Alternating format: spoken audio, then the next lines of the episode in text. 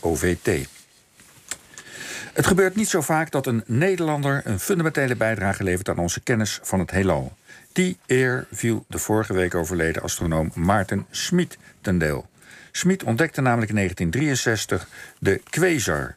Een ster die buiten ons sterrenstelsel ligt en die toch goed te zien is. Zijn ontdekking veranderde de astronomie. Aan de lijn hebben we nu vanuit Boston in Amerika, waar hij als natuurkundige werkt, Jaco de Zwart. Goedemorgen. Ja, Jacob, goedenacht. Een hele goede morgen. ja, bij jullie is het half vier. Je bent extra voor ons opgestaan of ben je eindelijk opgestaan als uit eerbied voor uh, Martin Schmid? Beide, maar ik rol wel echt net het bed uit, inderdaad. Goed, nou dan gaan we het beste ervan maken. Praat ons even bij, wie was deze Martin Schmid en wat was nou precies zijn ontdekking waar hij zo fameus om is? Ja, dat is een hele goede vraag. En, uh, en leuk dat jullie daar wat aandacht aan besteden. Nou, Maarten Schmid... Nou ja, jij, jij, jij hebt ons een mail gestuurd dat dit moest. Dus vandaar. Ga door. ja, nee, dat klopt inderdaad. Ik zei, jongens, uh, daar moet wat aandacht naar uit. Want het is een van die astronomen, Nederlandse astronomen... waar je nog nooit van gehoord hebt, maar heel erg belangrijk was. En uh, Maarten Schmid is eigenlijk ehm, een van de overblijfselen van een, een tijdperk in Nederland... dat de, astronomie, de Nederlandse astronomie wereldwijd eh, erkend was. En dat was in de jaren 50 en de, in de jaren 60. En um, Maarten Schmid was een student in de jaren 50 in Leiden. Hij komt uit Groningen. En hij ging in Leiden studeren bij Jan Oort. En Jan Oort is een legendarische Nederlandse astronoom. En die was wereldwijd bekend. Um, om, vanwege hoe hij nadacht ook over de Melkweg, dus onze Melkweg... en um, de mo modellen die hij daarvan maakte. Maar Smit was een student van hem. En uh, die kwam uh, met zijn neus in de boter, laten we het zo zeggen. Hij ging meewerken aan de radioastronomie in Nederland. En dat was iets heel erg groots en iets heel erg nieuws.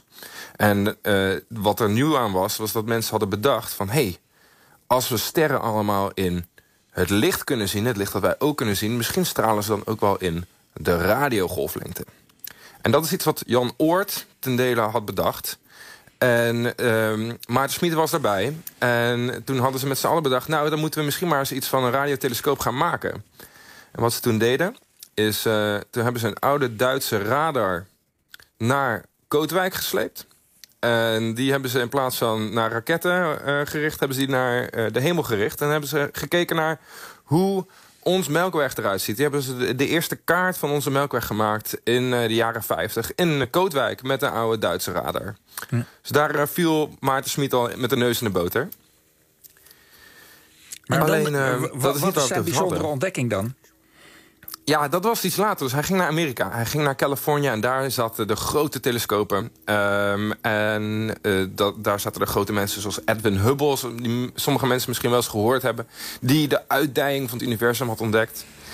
Maar uh, Maarten Smit ging verder met die radioastronomie. En hij ging kijken, nou, als, er, uh, als dingen stralen in radiogolflengte... dan willen we misschien ook wel zien waar die zitten. Dus hij ging kijken naar waar al die gekke radiosterren zitten.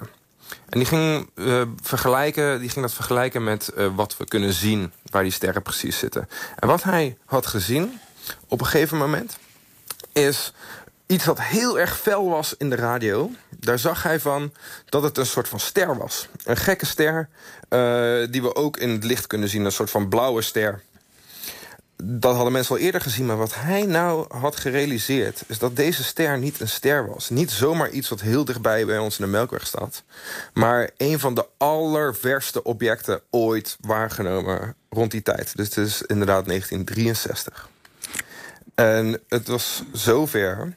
Ja, Jos, uh, misschien wel iets vragen. Nou, nee, ja, nee ik, ik, ik, hang aan je lippen om eerlijk te wezen. Maar dit, je hebt het nu over de quasar, toch? Ja.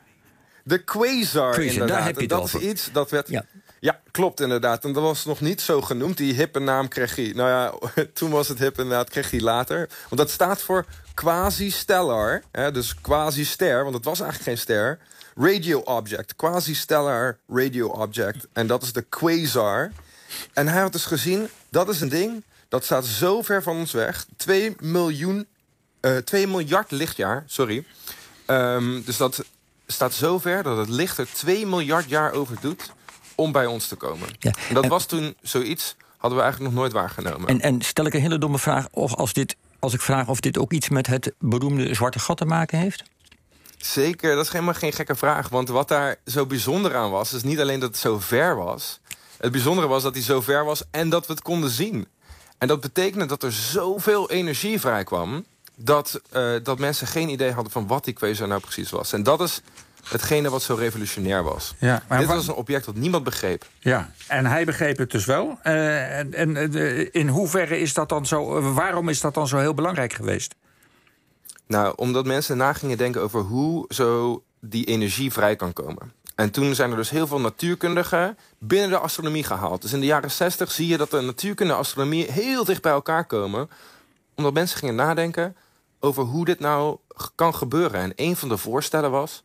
stel je voor dat heel veel materie nou bij elkaar gaat klonteren... en samentrekt in een soort van zwart gat. Die termen werden nog niet gebruikt, maar later werd het herkend. Een zwart gat zoals die gevormd wordt... en hoe het alle massa naar zich toe trekt.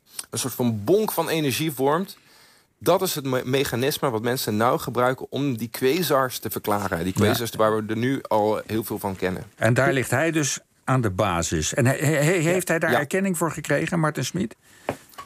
Hij heeft daar erkenning voor gekregen, inderdaad. Dus hij heeft daar astronomenprijzen voor gewonnen. Eentje is de Bruce Medal. Dat is een hele belangrijke prijs in de astronomie. Maar als je wil vragen, heeft hij Nobelprijs wel gekregen? Dat is niet. Nee. Ja. Begrijp ik uiteindelijk goed als ik jou hoor zeggen dat de natuurkundigen een grote rol hebben gekregen sinds het optreden van Maarten Schmid, om het even simpel te zeggen. Uh, dat nou, dat dus... is echt, ja. Ja, dat is waar. Dus ik wil eigenlijk iets verder gaan. Dus eigenlijk heb jij als natuurkundige, ben jij hem heel schatplichtig, als ik het goed begrijp. ja, als natuurkundige in, in de astronomie en de kosmologie. Juist. Ja, ik denk het wel. Eigenlijk wel, inderdaad. Ja. ja, en hij is hier een beetje vergeten, deze Maarten Schmid, helaas. Is dat het lot van elke astronoom?